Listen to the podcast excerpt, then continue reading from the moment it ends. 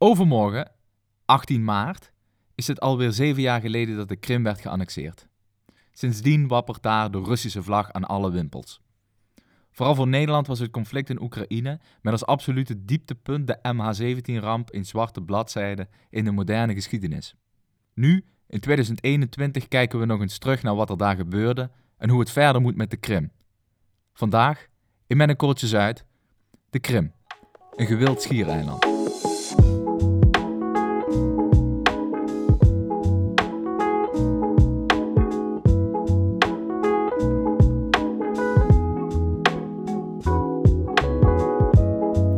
Jou viel dat op, geloof ik. Hè? Je, je kwam aanwaaien deze week weer met eh, de krantenkoppen in je hand. Het is zeven jaar geleden dat de Krim werd geannexeerd. Ja, ja, ja, ja, nou het was een beetje toevallig natuurlijk, want we moesten weer een onderwerp hebben voor deze week. En toen zag ik, hé, hey, het is bijna op de dag af, eh, ja, zeven jaar geleden. Anniversary. Zullen Ja. ze in eh Sebastopol ook wel stil bij staan, hoop ik, Ja. denk ik.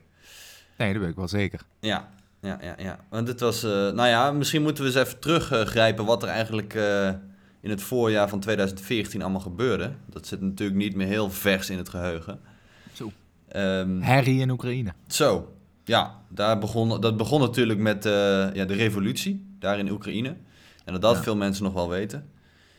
Weet jij daar het fijne nog van, van die revolutie? Ja, het fijne. Ja, ik weet het. Ik, ik, ik volgde dat toen best wel op de voet. En ik ben daar twee jaar daarna, dus in 2016, ben ik ook in eh, Kiev geweest. Want Dat, was- dat was best wel eh, ingrijpend. Want, nou ja, wat daar dus gebeurde is. eh, ja, eigenlijk hetzelfde als wat er nu in Myanmar gebeurt. Het volk was het er niet mee eens. En die gooide de regering omver.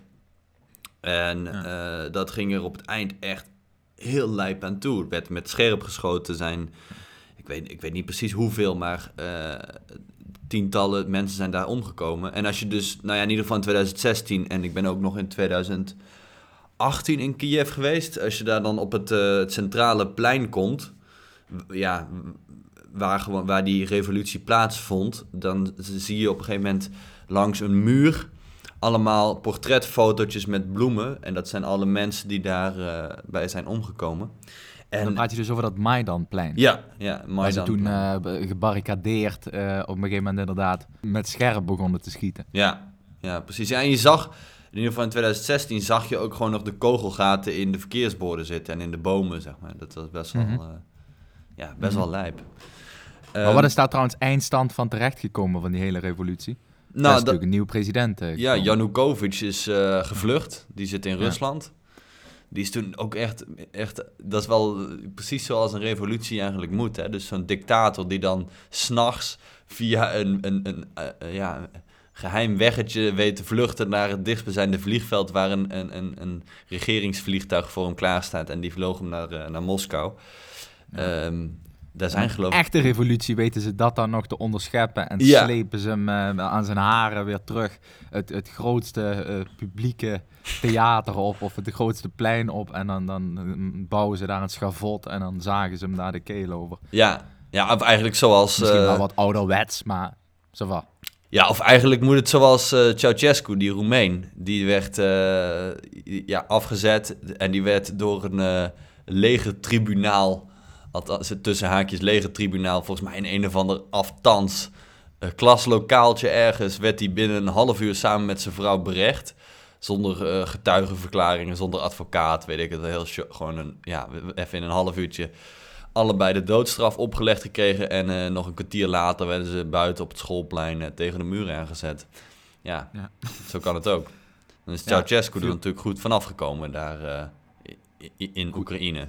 Goed vanaf gekomen. Hij stond voor het vuurpeloton. Ook. wat zei ik? Ja, ik bedoel, Janukovic is er, eh, Oh, is er goed vanaf gekomen in Oekraïne. Ja, ja. Want als hij dan niet was weggevlucht, dan had hij zeker te weten ook tegen de muur aangestaan. Dat denk Heb ik jij wel. een idee wat die man nu in Rusland doet? Bekleedt hij daar nog een Nee, of andere... nee. Ja, hij is onder, van- ondergedoken. Hij zit daar, of ja, ondergedoken. Ik denk eh, dat Poetin hem gezegd heeft: luister, eh, makker, jij gaat hier in deze dacha zitten, je houdt je bek en je blijft daar de komende 30, 40 jaar zitten.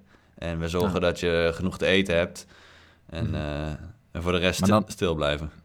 Maar dan in het Russisch natuurlijk. Ja. Nou, of ja. Ja.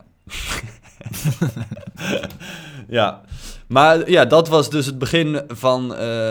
ja, dat was, dat was eigenlijk het begin van het eind. Of het eind van het begin... Dat was Ja, eigenlijk zeg het maar. het eind van Eind van het begin. Daar begon Begin eigenlijk nog meer heisa mee. Want eh Janukovic het land uitgevlucht. eh, Oekraïne kon weer beginnen. Ehm, maar dat bleek toch eh, makkelijker gezegd dan gedaan. Want de Russen waren het daar niet helemaal mee eens. Of althans de Russische separatisten in Oost-Oekraïne, oftewel de Donbass. Dus Donetsk, Luhansk, dat echt diep, diep Oost-Oekraïne, de Donbass. Ja, daar kwamen Russische separatisten in opstand. Al dan niet gesteund door eh, Vladimir Poetin. Ah, wacht even, wacht even. Jij zegt Russische separatisten, maar waren dat niet Russisch gezinde Oekraïense separatisten? ja, ja, precies. Ja. Oké. Ja, dus mensen die daar wonen, die zeggen, ja, ho eens even. Eh, jullie hebben net onze president eruit gestuurd, die echt voor onze rechten opkwam. Heel pro-Russisch was. Wij wonen hier in Oost-Oekraïne. Wij spreken Russisch, wij voelen ons etnisch Russisch. Eh, daar zijn wij het niet mee eens. Je je hebt onze democratisch verkozen leider eraf, eraf geknikkerd. Mhm. Dus we komen in opstand. En eh, ja, daar begon dus een burgeroorlog. Ja. Niet Dus dat, je, dat, dat, dat ze met allerlei van die hele goedkope eh, bewakingscamera's en met goedkope telefoontjes filmden dat ze met die raketten langs rijden en dat Ja. allemaal tanks naar binnen rijden en dat soort zaken. Ja, ja, ja precies. Ja. Ehm, en als, als kers op de taart kwam er, ja, ja was er natuurlijk eh, zeven jaar geleden, 18 maart, annexeerde Rusland de Krim. Dus het schiereiland, eh, ook in Oost-Oekraïne. Eh, de Krim is natuurlijk een, ja, een, gebied wat altijd al wel een beetje een speciale geschiedenis heeft. Dus de meeste mensen die daar wonen zijn etnisch Russisch of zijn Tartaar, wat dan weer iets anders is. Dat is een, een- moslimminderheid. Die zijn al vaker eh, weggestuurd daar, eh, eh, verbannen uit dat, uit dat gebied. Ehm, nou ja, en, en, en, en Rusland, of nou, de Krim had, al, had dus een, een, een, een referendum afgekondigd. Die zeiden, jongens, het is zo'n puinhoop, puinhoop in ons land. Wij voelen ons etnisch Russisch, wij willen bij Rusland horen. Laten we dat eens even voorleggen aan het volk. Wij organiseren een referendum. Nou ja, eh, de regering in Kiev zei, ho eens even, dat, dat, dat gaat niet gebeuren. Een beetje hetzelfde als in Catalonië. Dat zei, daar zijn in Ja. Madrid natuurlijk ook, ho eens even. We gaan geen eh, referendum organiseren waarmee jullie je kunnen afscheiden. Ja, het doet me ook een beetje denken trouwens aan eh Tigray. Waar Ja. ze uiteindelijk dan wel nog in Tigray de verkiezingen willen door eh, laten gaan. Maar goed, het Ja, ja. het is vergelijkbaar, maar niet hetzelfde. Eh, die, dat referendum werd eh, met overgrote meerderheid eh, werd er gestemd voor afscheiding van Oekraïne. Ehm, ja, enkele dagen later zei de lokale overheid in de Krim ook van jongens, bekijk het, wij verklaren onszelf onafhankelijk. En volgens mij een dag later tekenden ze een, een verdrag met Rusland waarbij ze zich ja, tot de Russische federatie voegden. 18 maart 2014 dus. Juist. Maar dat is niet zonder slag of stoot eh, gebeurd natuurlijk. Nou, dat is eigenlijk best wel zonder slag of stoot gebeurd. Er is natuurlijk vrij weinig ja, geweld aan te pas gekomen. Ik, ik bedoel, ja, dat referendum werd gehouden. Rusland reed daar binnen met tanks, zette, een, eh, zette er een hek omheen. En, eh en klaar was Kees. Echt, heel Jip en Janneke taal vertaald. Maar Mhm. ja, vrij algemeen gezegd ging het natuurlijk zo. Er is geen, er is geen oorlog geweest eh, in, in, de, in, de, in de Krim waarbij echt Mhm. zwaar gevochten is geweest tussen die twee, eh, ja, tussen Oekraïne en, en Rusland. Mhm. Dus dat is best wel Ehm, vreemd. Ja, zeker als je bedenkt dat ze dus inderdaad die regio ten noorden van de Krim, daar de Donbass, daar hebben ze elkaar eh, sowieso elkaar het leven zuur gemaakt. En hebben ze ook nog, en dat is dan voor Nederland wel relevant, dat passagiersvliegtuig MH17 neergehaald. Ja, Dus voor Nederland is dit ook wel een, eh, een beladen conflictje geweest natuurlijk. zo. Conflictje, eh, conflict. Ja. ja, en nog steeds denk ik wel. Rutte zegt geloof ik nog steeds dat het eh, ehm, wel zijn, zijn zwaarste of heftigste dag als, als minister-president was. Ja, dat was natuurlijk voor Nederland een, een, een trauma, wat daar toen gebeurd is. Mhm. Ehm, ik kan me nog goed herinneren. Ja, ik zat toen aan de andere kant van de wereld. ehm, maar ik volgde het wel allemaal. En het, het bizarre is natuurlijk Nederland... Dan kom je er ook achter hoe klein Nederland eigenlijk is. Want via via kende eigenlijk iedereen wel iemand die daar eh, echt in, bij betrokken was. Ja. ja, ik kende iemand. Oei, ja? Ja, niet heel goed, maar eh, ja, ik kende iemand. Dat was trouwens, dat was een Nederlandse jongen. En dat was de enige Amerikaan die aan boord was. Hij had ook een Amerikaans paspoort toevallig. dus Oh, op ja. CNN was heel groot zijn foto te zien. Schrok me dood. Maar Ah. inderdaad, ehm dat is natuurlijk een, een, een ja, bizar moment geweest in de moderne geschiedenis, zoals ik Mhm. al zei in de introductie van Nederland.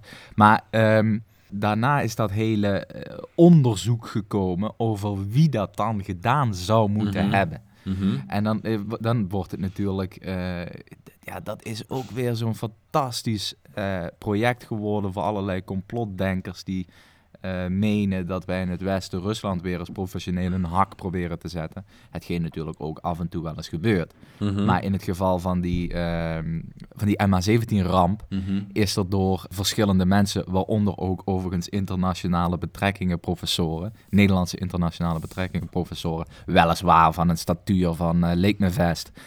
Die hebben dus beweerd dat dat een inside job is, of dat dat allemaal in scène is gezet, of Ja, dat eh, Rusland daar niet aan schuldig is, of dat dat... Ja, dat, heel veel bizarre eh, verhalen zijn daarover eh, over opgelepeld Ja. door Jan en Alleman. Volgens mij was dat dezelfde dag nog, zei Rutte, we, we gaan de onderste steen boven krijgen. Ja, dat, had die, dat Maar kan je Dat, natuurlijk... dat, Dat kan dat is uiteindelijk niet. ook wel gelukt hoor. Ja, denk je? Ja, dus ze hebben toch vastgesteld dat dat eh, vliegtuig is neergehaald door een zogenaamde buk-raket. Ja. En ze weten ook wel min of meer eh, wie eh, aan die knuppels heeft gezeten van zo'n Ja. buk-raket. Let wel, dames en heren, een buk-raket, dat is gewoon... eh, de, de- zeg maar, de- als je één stapje verder gaat, dan zit je al gewoon aan een, eh, een ballistische eh, raket, hè, waar je 10.000 kilometer mee ver kan schieten. Dat is echt en een heel daar lijp rijden dan een apparaat. paar. Ja, dat is een lijp apparaat. En dan rijden dan een paar amateurs, noem ik het dan even. Want ik vind, je bent wel een amateur als het je enige taak is om een bukraket af te schieten. En je raakt dan een passagiersvlucht naar Maleisië vanuit Amsterdam. Ja goed, dan ben je een amateur en Zo. een totale idioot. Ja, een week dat- eerder dat- hadden ze ook al een vliegtuig uit de lucht geknald. En dat was dan wel een militair vliegtuig. Dus misschien dat ze dachten, nou, Mhm. het is ons al een keer gelukt. Het ging goed. Laten we het nog een keer proberen. En toen eh, ging het natuurlijk grandioos mis. Ja. En eh, ja, dat heeft de relatie, denk ik, tussen Nederland en Rusland wel bekoeld. Zo. Nou ja, en ook Toch? met de rest van het Westen. Kijk, die hele, die hele situatie van eh, Rusland die daar een stuk land inpikt... eh, en die een oorlog, ja, soort van oorlog, proxyoorlog voert in Oost-Oekraïne. Ehm, ik denk dat, ja, nou, ik weet eigenlijk wel zeker, MH17 was daar natuurlijk flinke olie op het vuur. Dat- dus dat is ook niet iets wat in het voordeel is geweest van iemand.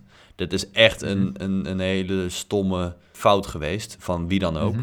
ik, ik, tenminste, ik denk niet dat het expres is gebeurd, laat ik het zo zeggen.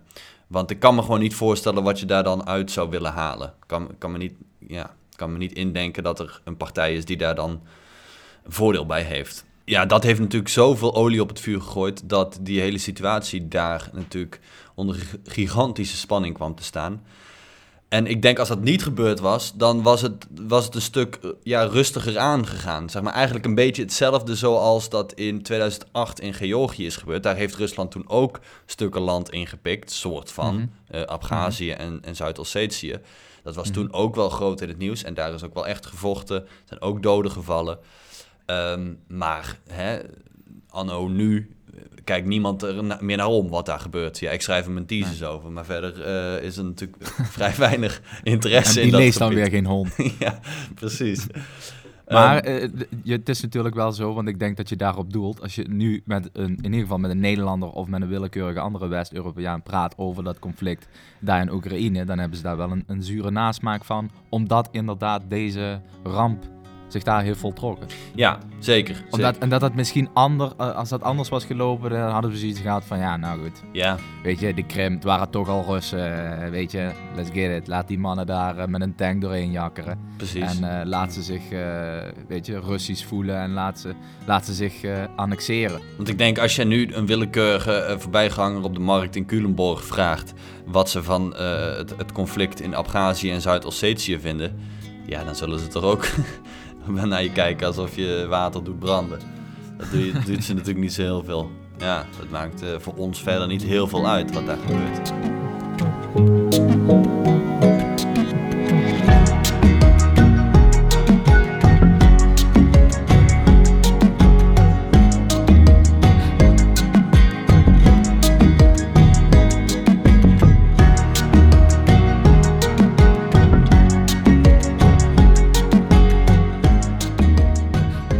Even terug naar de Krim. Ja. Ehm, we zeiden het net al. eh, wij hebben daar als Nederlander misschien een, een beetje gek gevoel bij. Maar eh, goed, eindstand is, het is nu 2021, dat gebied is Russisch.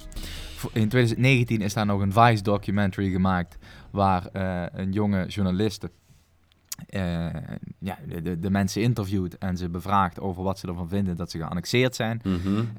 En ja, dat, die, die mensen vinden dat prima. Of in ieder geval, dat is het beeld dat die documentaire schetst. Ik snap ook dat als andere mensen daar naartoe gaan die een ander beeld willen schetsen, dat ze dat misschien ook nog wel lukt. Nou ja, kleine, kleine kanttekening. Eh, Ja. Het is in de Krim eh, verboden om je tegen de annexatie uit te spreken. Hè? Dus als Ah, je dat eh, voor camera doet, dan kun je lijpe gevangenisstraf krijgen. Oké.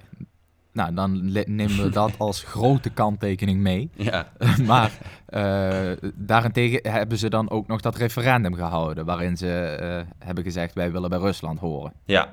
Ja, dat li- lijkt me dan ook een indicatie dat die, dat die mensen dat niet eh, vervelend vinden. nou precies. Bon. Ja, ja. En dan heb je natuurlijk nog het feit dat die mensen ook, et- jij zei het al, etnisch Rus zijn. Mhm. Het grootste deel, ja. Het grootste deel. Dus ja, weet je, ehm, hoe druk zouden wij ons moeten maken over het feit dat dat nu Russisch is, de Krim? Nou ja, ik denk dat je hier kan stellen dat het niet, dat die annexatie van de Krim niet is gegaan op een manier zoals je dat eigenlijk zou willen zien volgens westerse maatstaven van eh, vrijheid, democratie en, en mensenrechten. Want ja, laten we eerlijk zijn, ja, Rusland kwam daar binnen, of is eigenlijk binnengewandeld en gezegd, jongens, het is van ons. Zo'n referendum werd gehouden, ja, klopt. Is dat helemaal eerlijk verlopen? Ik denk het niet. Ehm, ja, de meeste mensen zijn etnisch Russisch, dat klopt, maar niet allemaal. Er wonen daar ook etnisch Oekraïners en etnisch Tataren. Eh, dus dat, Is dat zo verschillend dan, het verschil etnisch gezien, een Rus en een, en een Oekraïner? Of maken we dat er zelf van? Nou ja, de taal is natuurlijk anders. En ja, heel verschillend. Ja, weet ik niet. Het verschil tussen een Duitser en een Nederlander, denk ik. Mhm, Ja. Oké. Ehm, dus het is allemaal niet op de meest nette manier gegaan. Hè? Volgens eh, internationaal politiek, de, de internationale rechtsgronden, weet ik veel wat. Maar het gebeurt wel op de manier hoe het altijd gaat. En, en ja, hoe langer dit, deze, deze situatie de status quo blijft, dus dat, ook, dat de Krim bij Rusland hoort, eh, hoe, hoe echter het wordt, zeg maar. Zo'n zo'n realiteit eh, is pas helemaal echt als iedereen gelooft dat dat zo is. Kijk, Nederland is alleen maar Nederland omdat we dat met z'n allen geloven. Er, er staat een lijn op een kaart, maar die zie je in het echt natuurlijk niet. niet die, die is er niet. Mhm. Dus als je bij Nijmegen de grens overstapt, dan, dan geloof dat is alleen maar omdat ik dan geloof dat ik dan in Duitsland ben, dat dat Mhm. dan zo is. Nou ja, hetzelfde geldt bij de Krim. Eh, en hoe langer de, de Russen daar eh, de, de, de baas blijven spelen, hoe echter het wordt. Denk ik. Ja, en, maar dan is de vraag dus hoeveel dat uitmaakt. Ja, want wij willen, dat is eigenlijk de vraag, wij willen daar iets van vinden. Mhm. Want we zeggen, ja, dit is niet gebeurd natuurlijk eh, eh, eh, op een manier waarvan we in een westerse democratie zeggen van, nou, fantastisch gedaan, dames en heren. Dus wij willen daar iets van vinden. We hebben een bepaald waardeoordeel over het feit dat de Russen daar binnenwandelen en zeggen, hey, dit schiereiland en dat stukje van jullie land, dat is nu eh, van ons. Ja. Eh, op basis van deze en deze en deze gronden. Dan, dan is de vraag, ja, wat, wat, wat maakt dat uit? Zeven jaar na dato, Mhm. hè, 2021, is dat de status quo. Het Ja. gebied is Russisch. Hoeveel maakt dat voor Nederland uit? Voor Nederland natuurlijk niet zo heel veel, denk ik. Mhm. Maar ja, en, nou ja, het is natuurlijk... Kijk, als land zijnde, dus als Mark Rutte zijnde, kan je dit niet gaan accepteren. Dat kan niet. Want eh, hè, dan voor je het weet eh, zeggen, zeggen jij en je maten in Limburg... Nou jongens, wij hebben er ook genoeg van. En wij gaan ons bij België voegen. Ehm, Mhm. Dus dat wil je niet, dat kan niet. Want eh, volgens de internationale wetgeving kan je niet zomaar jezelf gaan afsch- afscheiden van een land. Mhm. Maar ik denk dat ik het op zich ook wel gewoon snap van, van Rusland en van de Krim en van de mensen daar. Het is, allemaal, het is niet op de meest nette manier gegaan. En, de, en er zijn ook uh, een, een, grote groep mensen die het er absoluut niet mee eens zijn. Maar aan de andere kant denk ik, ja, de Krim... Is het dan ook zo dat als je in Nederland een, een, een kaart van Europa koopt, dat wij dan dus dat niet erkennen, dat gedeelte? Of dat dan met zo'n soort ja. dubbel streepje staat dat het een betwiste zaak is? Ja, een zeker. nog niet uitgemaakte zaak. Ja, en sterker nog, als je Google Maps... Uh, ja, aan de hand van waar jij je begeeft. Dus als jij in Rusland zit en jij opent Google Maps, dan is de Krim uh, van Rusland. Zit jij in Oekraïne en je opent Google Maps, dan is uh, de Krim van Oekraïne. Dus dat is ook okay, wel, vet. wel boeiend. Mm -hmm. Ja, um, maar ik, ja, ik snap het gewoon wel, best wel, denk ik. Van, van die Russen en van Oekraïners. Uh, historisch gezien was dat Schiereiland natuurlijk, hoorde het bij Rusland. Uh, ja, maar historisch gezien hoort Suriname ook bij Nederland. Maar ja, ga je dan weer wat verder in de historie, dan heeft Suriname ja. weer helemaal niks te maken met Nederland. Dus het is maar net even welk perspectief je loslaten op, welke historische tijdlijn je aanhoudt. Dat klopt, ja, zeker. Nou ja, als we dan kijken naar het referendum wat gehouden werd, dan werd 95% van de mensen stemde voor afscheiding uh, van Oekraïne. Ja, weet je, oké, ik, ik, ik zal wel de eerste zijn om daar kanttekeningen bij te plaatsen dat dat best wel een overdreven getal is. En dat ik denk ook niet dat dat helemaal klopt.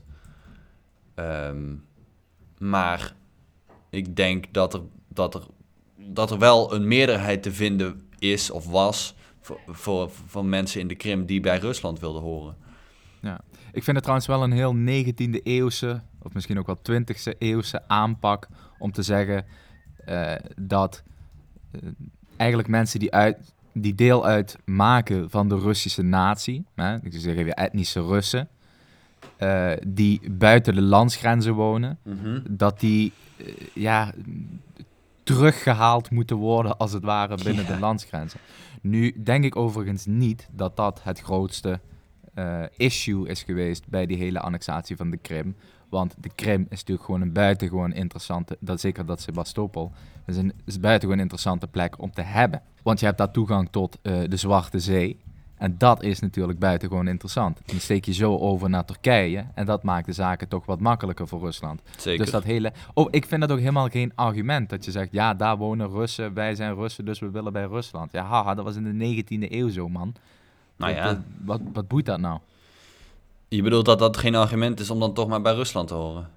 Ja, ik vind dat één eigenlijk geen argument om te zeggen: ja, wij willen graag bij Rusland wonen, want wij zijn e- etnische Russen, hè, dus even vanuit de bevolking gedacht. Ik bedoel, ja, eh, oké. eh, eh, dat zou niet zo heel veel moeten uitmaken, is mijn mening dan. Want ik ben niet zo'n eh, aanhanger van. Ik ben niet zo gefocust op de nazistaat. Mhm. En, en twee, ik vind dat ook helemaal geen argument om, om een land binnen te vallen. Die zegt, ja, maar, ja, maar je ziet toch dat daar alleen maar etnische Russen wonen. Dan zijn wij toch bijna genoodzaakt om daar een referendum te houden. En te zeggen van, ja, laat die mensen lekker bij Rusland komen. Nou ja, dat is dat, zijn het toch, dat zijn toch allemaal drogredeneringen? Nou ja, dat is het argument van, van Poetin. Die zal zeggen, ja maar luister, dat zijn mijn mensen. Dat zijn Russen. En die moet ik beschermen. En die zitten Ja, nu precies, maar onder ik het juk vind van wel Oekraïne. Mhm. Maar ik vind dus wel iets van, die, van dat argument. Dan Ja. moet ik echt denken aan eh, Silesië en weet ik veel wat voor delen van Praag en Tsjechoslowakije die allemaal eh, zijn geannexeerd door bepaalde heren in een centraal Europees land. Ja, Ehm, ook op basis van etniciteit. Dus om maar iedereen onder die paraplu van die nazistaat te houden. ja. Dat is toch, dat is toch old school, old-fashioned eh, ja, nationalisme. ja, maar daar zal Poetin anders over denken. Ja, dat, dat denk ik ook. Ja, dat Poetin daar anders over En wat hij dan dus ook heel slim doet, hij, eh, dat, deed, dat deed hij natuurlijk in, eh, in Zuid-Ossetië en Abhazie ook. Zodra hij dan eh, de controle heeft over het gebied, gaat hij gewoon Russische paspoorten uitdelen. Je hangt vervolgens overal Russische vlaggen op. Je zorgt dat in, op school alle kinderen Russisch leren en de Russische geschiedenis leren.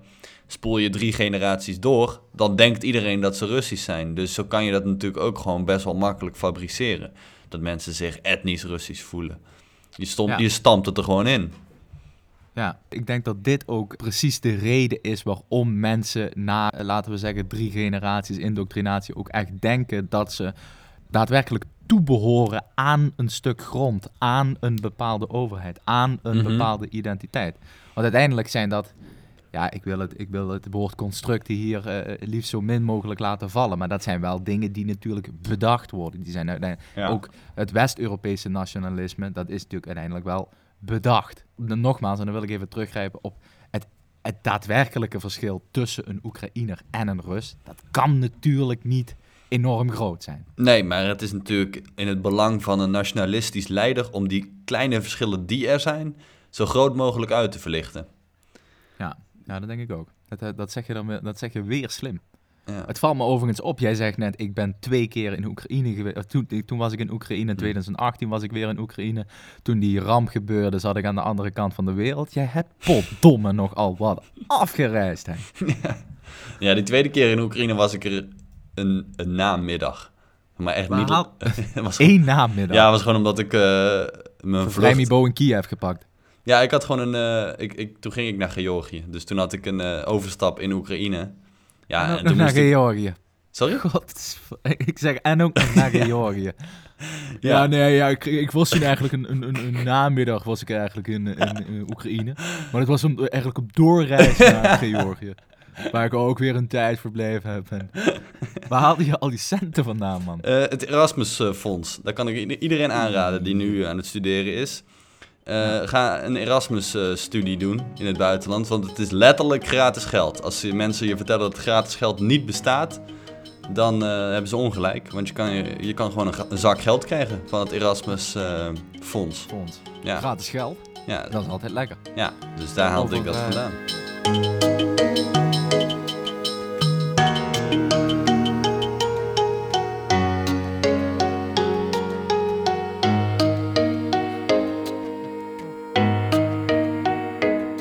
Is eigenlijk de conclusie, de moraal van het verhaal? Hmm.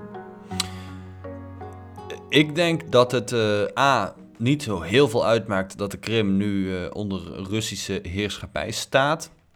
En eh, B. In geopolitieke zin bedoel je? ja, in geopolitieke zin. Ja, ja, ja. Laat dat helder hebben. En B. dat als, als het maar lang genoeg zo is, dan wordt het vanzelf een feit. Dan kun je er niet meer omheen. Ja, ik ben het met dat tweede wel eens, met het eerste niet helemaal hoor. Want het is wel, eh, als we even in termen van vrienden en vijanden denken, en eh, Rusland dan maar even ouderwets scharen onder de vijanden, Ja. dan is het natuurlijk altijd lekker om die zo lang mogelijk weg te houden bij strategische punten, zoals daar zijn de Krim. ja. En ik denk dat die annexatie van eh, de Krim door Rusland daar dus ja, per definitie niet aan bijdraagt. Want dat is nu van hun. Dat, dat geeft hem toch toe- toegang tot een aantal interessante eh, geopolitiek georiënteerde zaken, zoals ik al zei. Het zwarte, Mhm. eh, de Zwarte Zee en Mhm. allerlei eh, vaarroutes door de, de Bosporusstraat. Zeker, En, ehm, dat is toch interessant voor hun. zeker. Dat heb, je, dat heb je toch liever zelf. Nu is het wel zo dat Oekraïne natuurlijk geen onderdeel uitmaakt van de Europese Unie. Maar goed, wat niet is, had nog kunnen komen. Ik zie het niet zo snel gebeuren, maar Nee, dat gaat, eh, dat gaat heel, heel lang duren. Sowieso mag je eh, geen interne conflicten hebben bij, eh, als je bij de Europese Unie wil horen. Dus dan ja, hebben goed, ze... maar je moet ook een begroting hebben die op orde is. Dat had ook niemand toen die naar binnen kwam. Precies, nee.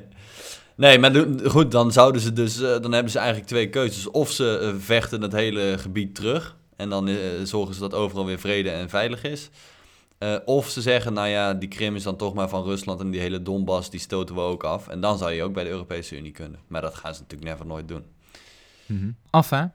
Auke, je wordt wederom bedankt. Jij ook, Max? Je hebt weer kennis gesproeid. Fantastisch. Ehm, ik spreek jou volgende week. Zeker, En jij mij, denk ik, hè? zeker. Ja, ja. Oké.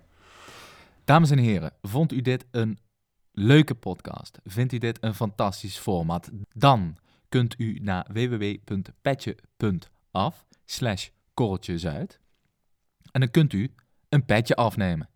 Hoe dat allemaal werkt, dat ziet u op de website van www.petje.af. Wij verwachten gulle donaties. Dus ga naar www.petje.af slash korreltjesuit. Tot volgende week.